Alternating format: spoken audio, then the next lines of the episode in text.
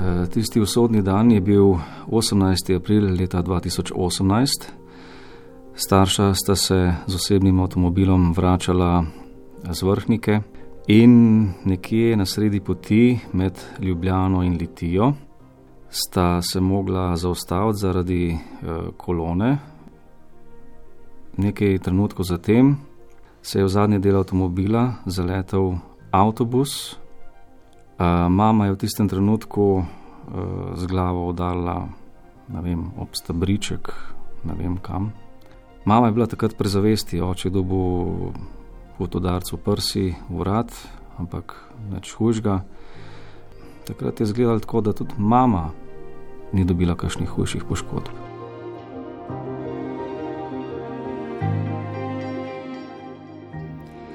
Rok Valenčič je naš sodelavec in eden najbolj prepoznavnih voditeljev naših informativnih oddaj.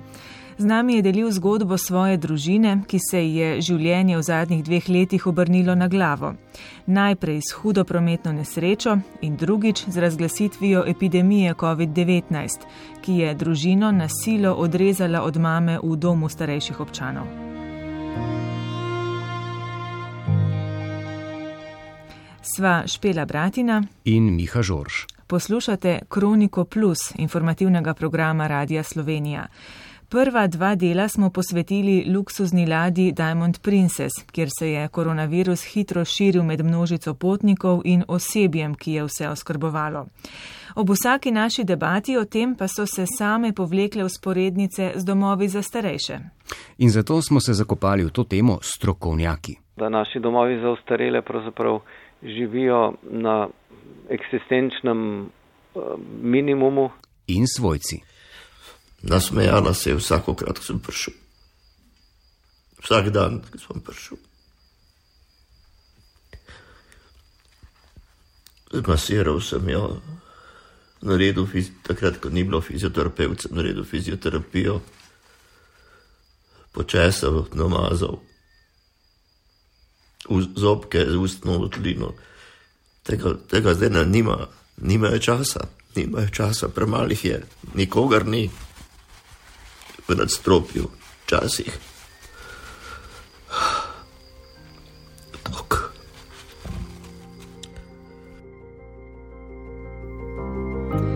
A najprej k začetku rokove zgodbe, Miha. Ja, ostali smo pri začetku, pri navides lažji prometni nesreči. Kakšna je bila prva diagnoza?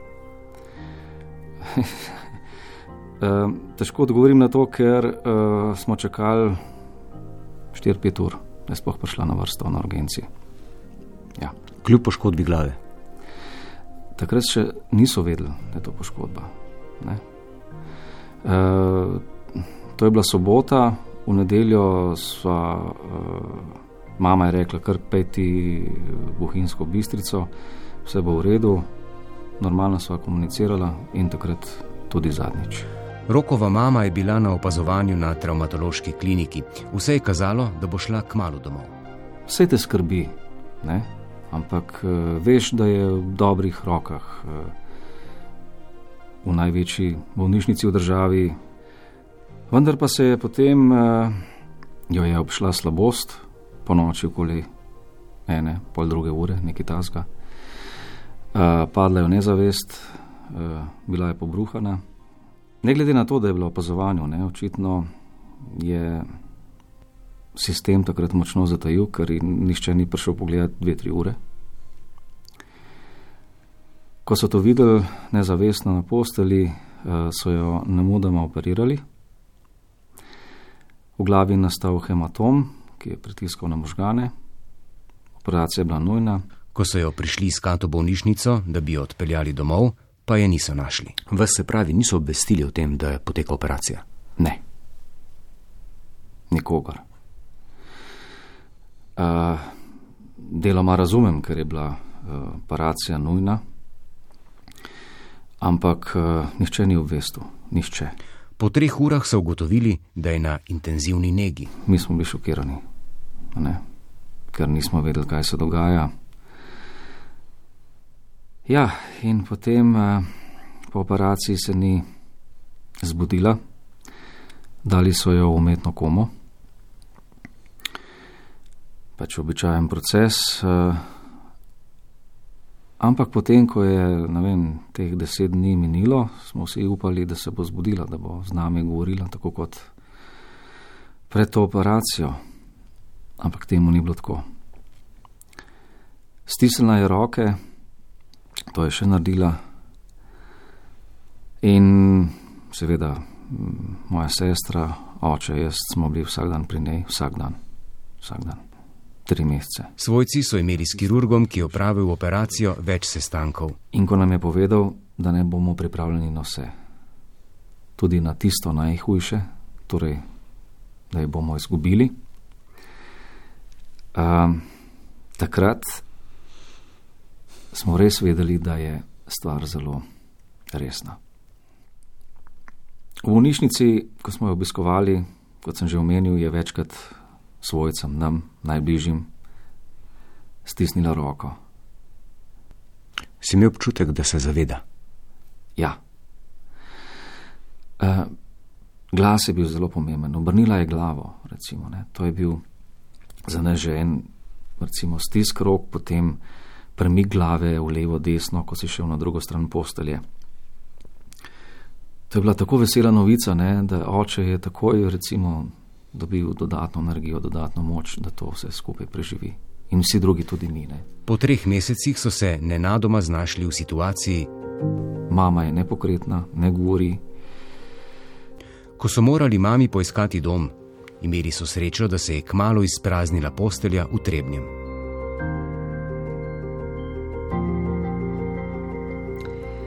V času epidemije pa so nekateri domovi za starejše postali žarišča okužb. Tudi največ smrtnih žrtev je ravno med stanovalci domov. Zakaj so DSO-ji ene od najbolj kritičnih točk v aktualni epidemiji? Morda tudi zato, ker se to področje že vrsto let zanemarja. Sem Jasna Cajnko, sem direktorica Doma starejših občanov Tezno.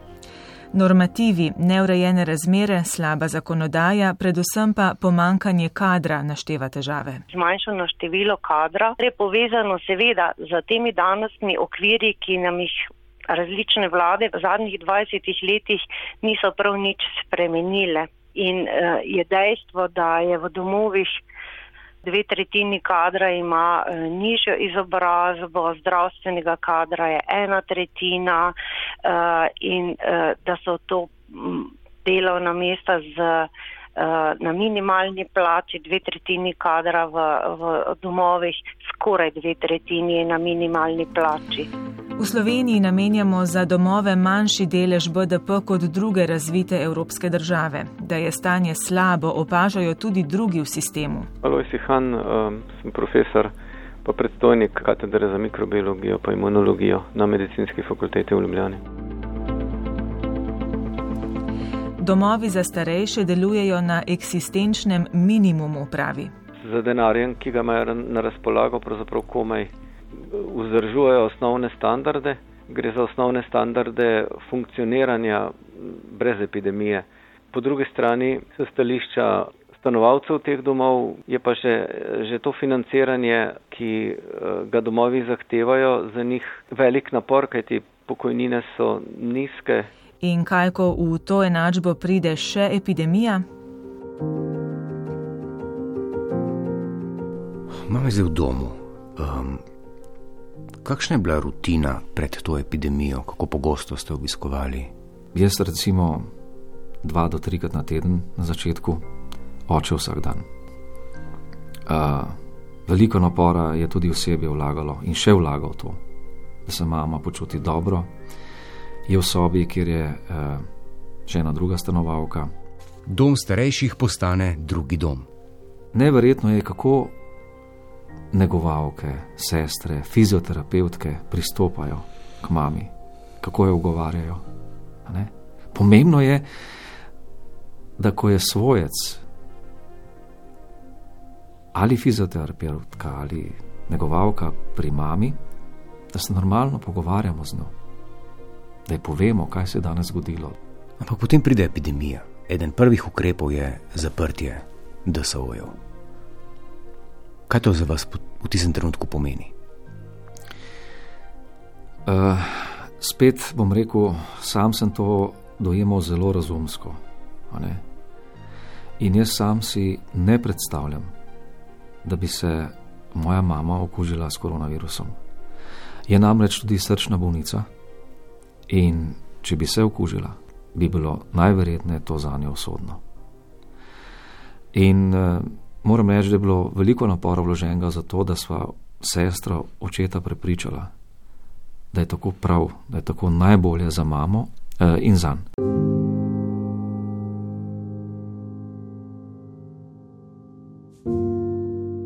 7. marca sem bil pri moji ženi Jelki na zadnje, potem so me pa obvestili, da je dom do nadaljnega zaprt, oziroma obiski niso dovoljeni. Zdaj, po dveh mesecih, sem šele prišel do žene in to je bilo groz, grozno občutek. Še zdaj je. Razumsko praviš, um, ste razumeli, da, pač, da so ti ukrepi pomembni in potreb, ja. potrebni za ohranjanje zdravja oskrbovancev v, dom, v domovih starejših občanov. Kako pa ste se ob tem počutili, kako se ti osebno ob tem počutil? Čez praktičen primer, se pelješ v službo, si optimističen, vesel, normalen dan, sončen dan. In naenkrat te prešine misel, da je mama v domu, da ne more povedati tistega, kar bi ti hotela, da ne more obeti tvoje, tvojega otroka. Takrat, takrat je hudo. Neštetokrat se vprašaš, zakaj. Ne. Zakaj je usoda tako hotela? Ne čuden smisel za humor ima usoda. To obdobje je katastrofa. Jelka je imela drugačna kot ona, je imela hematomo v možganih in po nojni operaciji se ne izbudila. In ni nič ne pomaga. Telefon, edina moja prisotnost. Obrnila je glavo, razume, razume. Pomežikne. Takrat vem, da, razume, da razume, da me sliši. Kako ste se soočali s to fizično razdaljo med vami? Epidemija je ne le v našem primeru primeru vseh tistih, ki imajo svojce v domovih za starejše, je prekinila eno vez, eno pomembno vez. Saj obstajajo poti, elektronski kanali, eh, prek katerih lahko vidiš bližnjega. Vendar pa ni isto, ne? Ni isto. Sveda ni isto. Sem z osebjem sem bil, saj s sestrami, z negovalkami, s fizioterapeutkami, samo vsak dan stike po telefonu. Pa slike so mi pošiljali domov, pa tudi el, ko sem lahko videl, tu pa tam preko Viberja. Drugač pa, hudo je bilo ta dva meseca, ni zapovedati. Ravno zdaj, ravno zdaj, med tem najnim pogovorom, je oče pri moji mami drugič ta teden. Prvič je bil v ponedeljek, mislim, da ja. Jelka, Jelka, moja žena, ona, ona nepokretna, ampak se je vedno.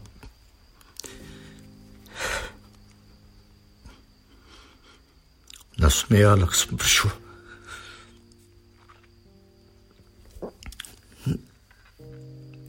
Zdaj pa dva meseca nismo v knjigi. za njo je pomembno, da sem jo stisnil.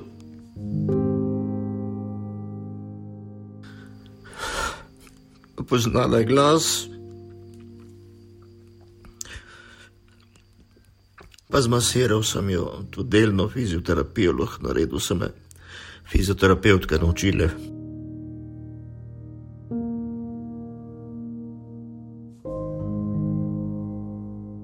In ko je prišel domov, ko sem ga poklical, vem, da nekaj ni bilo v redu. Bil je žalosten, ker ga ni prepoznala. Ne vem, mogoče zaradi fizioterapije, zaradi naporov. Ni bila razpoložena, slabša je bila. Slabša je bila, pa če bi jo stisnil, pa če bi lahko, je bilo drugače. Oče mi je rekel, mami ni bilo v redu. In tudi on ni bil v redu, seveda. In ravno zdaj je pri njej, upam, da bo danes pomežiknila mojemu očetu, da je vesela, ker je prišel. Hudo je bilo ta dva meseca. In še zdaj je enkrat na teden lahko pridem za eno uro, pa ne se ne dotikati, pa nič. Kako vas je zaznamovala ta epidemija v tej situaciji, v kateri ste se znašli vi kot družina? Dobra stran uh, te epidemije je to, da, da se ne obremenjuješ s stvarmi, ki niso pomembne, da se ne sekiraš zaradi stvari, ki niso pomembne. Veliko se pogovarjamo tudi med seboj. Pogovarjamo se o takih hudih stvarih, tudi kaj pa če mama umre. Epidemija nam je dala to, da se pogovarjamo o stvarih, o katerih se nikoli prej nismo. In smo vedno te stvari puščali nekje v zadju, v nekem predalu, ki ga nikoli namenoma nismo hoteli odpreti. Podobno izkušnjo ima verjetno marsikdo od vas. Težko je pustiti bližnje za zidovi domov, zato da se okužba ne bi razširila, zato da bi najbolj ranljivi imeli več varnosti. A najhuje je tam, kjer so domovi postali žarišča okužbe. Nismo vedeli, da, bo, da bomo domovi najbolj na udaru, ampak je to hitro postalo jasno. Hitro postalo Direktorica jasno, Doma starejših občanov Tezno Jasna Cajnko pravi, da so že v prvih dneh epidemije opozorili ministra za zdravje in za socialne zadeve. Domovi niso prilagojeni za zaščito stanovalcev. Se pravi, ni možnosti spostaviti totalne izolacije.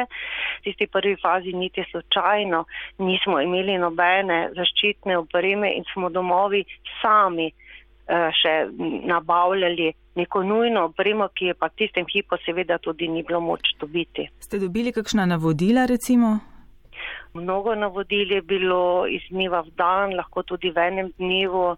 Nekatera so bila uh, kontradiktorna, kar je v neki fazi začetka epidemije tudi moč razumeti. Da so pa uh, navodila, ki so pa bila ha, uh, nekako uh, sporno, človeško in strokovno sporna še danes, to pa je težje razumljivo in uh, nerazumljivo. Uh mhm. -huh. Kakšna pa recimo konkretno? Konkretno govorim o tem, da uh, se po tem prvem valu epidemije, ki je zaključen, še vedno uh, strani odločevalcev poskuša uvesti uh, zdravljenje in oskrba oku, z okuženih z COVID-om v domovih. Kljub opozorilom in kljub izkušnjam, ki jih imamo, kajti največ okuženih in obolelih in tudi smrtnih slučajev je med stanovalci domov za ostarele. V domovih ni mogoče vzpostaviti pogojev za zavarovanje okuženih in zdravih. Edini način, da se okužbe ne bi širile, je, da se okužene namesti drugje, pravi. In še današnji odlog, ki ga imamo na mizi, govori o tem, da se bodo v primeru nadaljne širjenja okužbe stanovalci, da bojo ostali v domovih in piše celo, da bodo glede na klinično sliko in bolnišnične kapacitete stanovalci domov lahko nameščeni v bolnice. Torej, če bo prostor ali kako? Tako. Ali gre za diskriminacijo starejših pri zagotavljanju zdravstvene oskrbe, smo vprašali Ministrstvo za delo, družino in socialne zadeve. Pisno so odgovorili. Sami smo vse čas povdarjali, da morajo stanovalci domov za starejše osebe dobiti vso potrebno zdravstveno oskrbo, kot naprimer tisti, ki so doma. Zaupamo zdravstveni stroki, ki se je močno angažirala in verjamemo, da so storili vse, kar je bilo v njihovi moči, da preprečijo širjenje okužb. Tako ministr za zdravje, kot tudi zdravstvena stroka zagotavljajo, da so stanovalci v domovih glede COVID-19 dobili vso potrebno oskrbo in zdravljenje. A zanimiv je podatek, da je bila na vrhuncu epidemije zasedenost na intenzivnih oddelkih bolnišnic 35 odstotna. In kaj je zdaj tu najbolj pomembno, da se bolezen hipoma napreduje in je lahko uh, potrebno v trenutku zagotoviti pomoč na aparatu za predihavanje, kisik torej, in te stvari, ki jih seveda v domovih nimamo. In iz uh, dejstva, da je uh, med žrtvami, to se pravi med ljudmi, ki so umrli v Sloveniji za COVID-19, Eh, velika večina starostnikov in od teh je samo deset bilo v bolnišnici, lahko predvidevamo, da so tisti ljudje, ki bi morda tudi umrli, umrli drugačne smrti. Mhm. Umrli so tako, da, so, uh, da jim je bilo težko umirati, veste.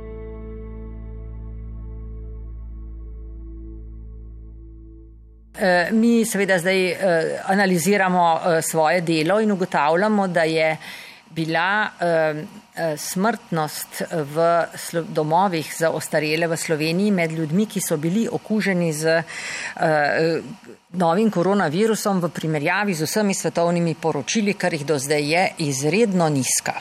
Tako pa doktorica Bojana Bejovič, vodja svetovalne skupine v okviru Ministrstva za zdravje.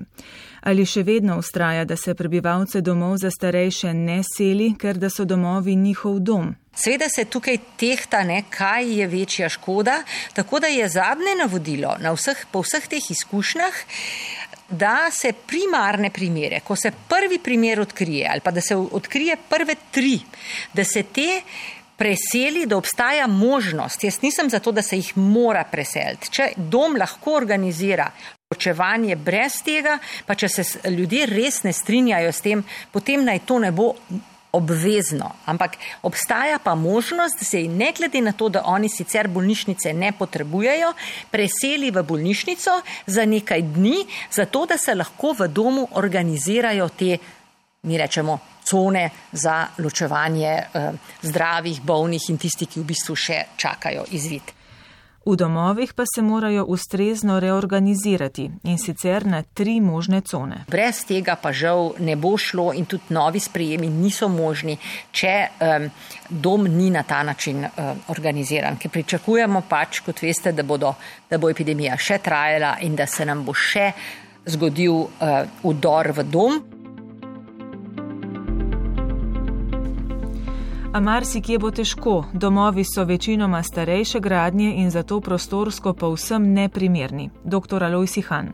Mnogo lažje je pri domovih, kjer so dejansko ločene uh, stavbe, torej imamo en dom, ampak uh, je dom sestavljen iz več blokov in v tem primeru uh, se naredi neko notranje prerasporejanje. Tako je mogoče vzpostaviti tri cone doma, kjer je mogoče nadzorovati okužbe z osebjem, ki se ukvarja samo z eno regijo v domu. A ritem sprememb v domovih za starejše narekuje predvsem kadrovska podhranjenost. V zaostrenih pogojih izolacij pa so zaposleni še pod dodatnim pritiskom. Jasna Cajnko. Uh, ja, eh, pomeni eh, takšno takšen način dela in življenja, ki smo ga v zadnjih dveh mesecih doživljali, ne pomeni samo eh, drugačno delo in več dela, pomeni predvsem eno eh, psihično obremenitev, izjemno psihično obremenitev ob zavedanju, da smo eh, zdaj pa res samo mi tisti, ki za stanovalce skrbimo In še dodatno eh, teža eh, skrbi je bila ob tem, da smo se zavedali, da je zelo pomembno, da preko nas, zaposlenih, okužba ne bi prišla v dom, eh, se pravi med naše stanovalce. Tako da je to bilo in je težka tudi psihična obremenitev, seveda. 365 kaz. Sem bil lani pri njej po pet ur, pozna se, da me ni, se nam morajo, vse osebje bo izgorelo.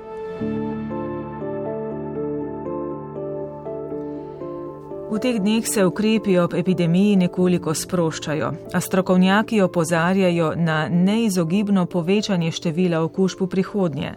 Prvi problem bo odpiranje meja, drugi pa kapacitete v zdravstvu in seveda tudi v domovih za starejše trepetajo. In pričakujemo, da, bo, da bosta pristojna ministrstva našla rešitve tudi za stare ljudi.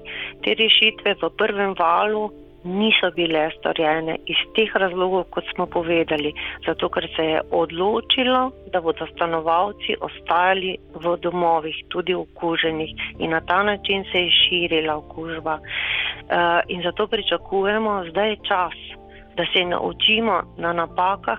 Tisto, kar je najbolj pomembno, je, da se vnaprej uredi protokole, uh, torej kaj se bo zgodilo v primeru udora epidemije, kaj se bo ukrepalo, eh, vključno s tem, kdo bo ukrepal, kdo bo prišel domu pomagati.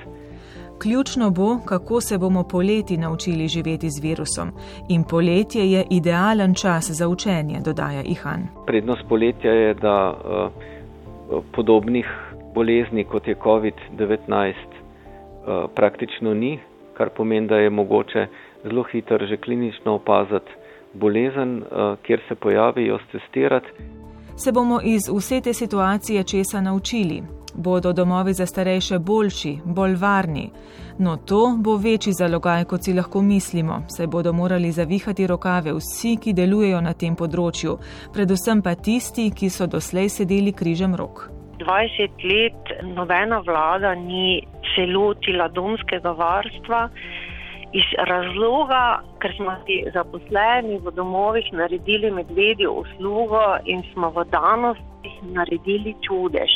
Naredili smo čudež, eh, ohranjali smo domsko oskrbo stanovalcev, življenje stanovalcev v domovih na visokom, na visoko človeškem, prijaznem nivoju.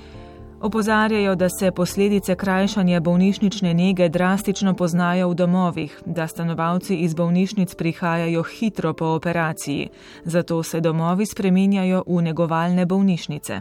Znamo narediti tudi to, kar naredijo v negovalnih bolnišnicah ob danih. Ob okoliščinah, se pravi, eh, ob eh, povečanem številu kadrov, eh, ob opremi, ki jo za to potrebujemo, če se bo država, če se bo odločevalec odločil, da domov ne potrebuje, ne takšnih, kot smo jih mi 20 let ustvarjali, ko smo odstopali od medicinskega modela in ko smo stanovalcem ponujali vse kaj več.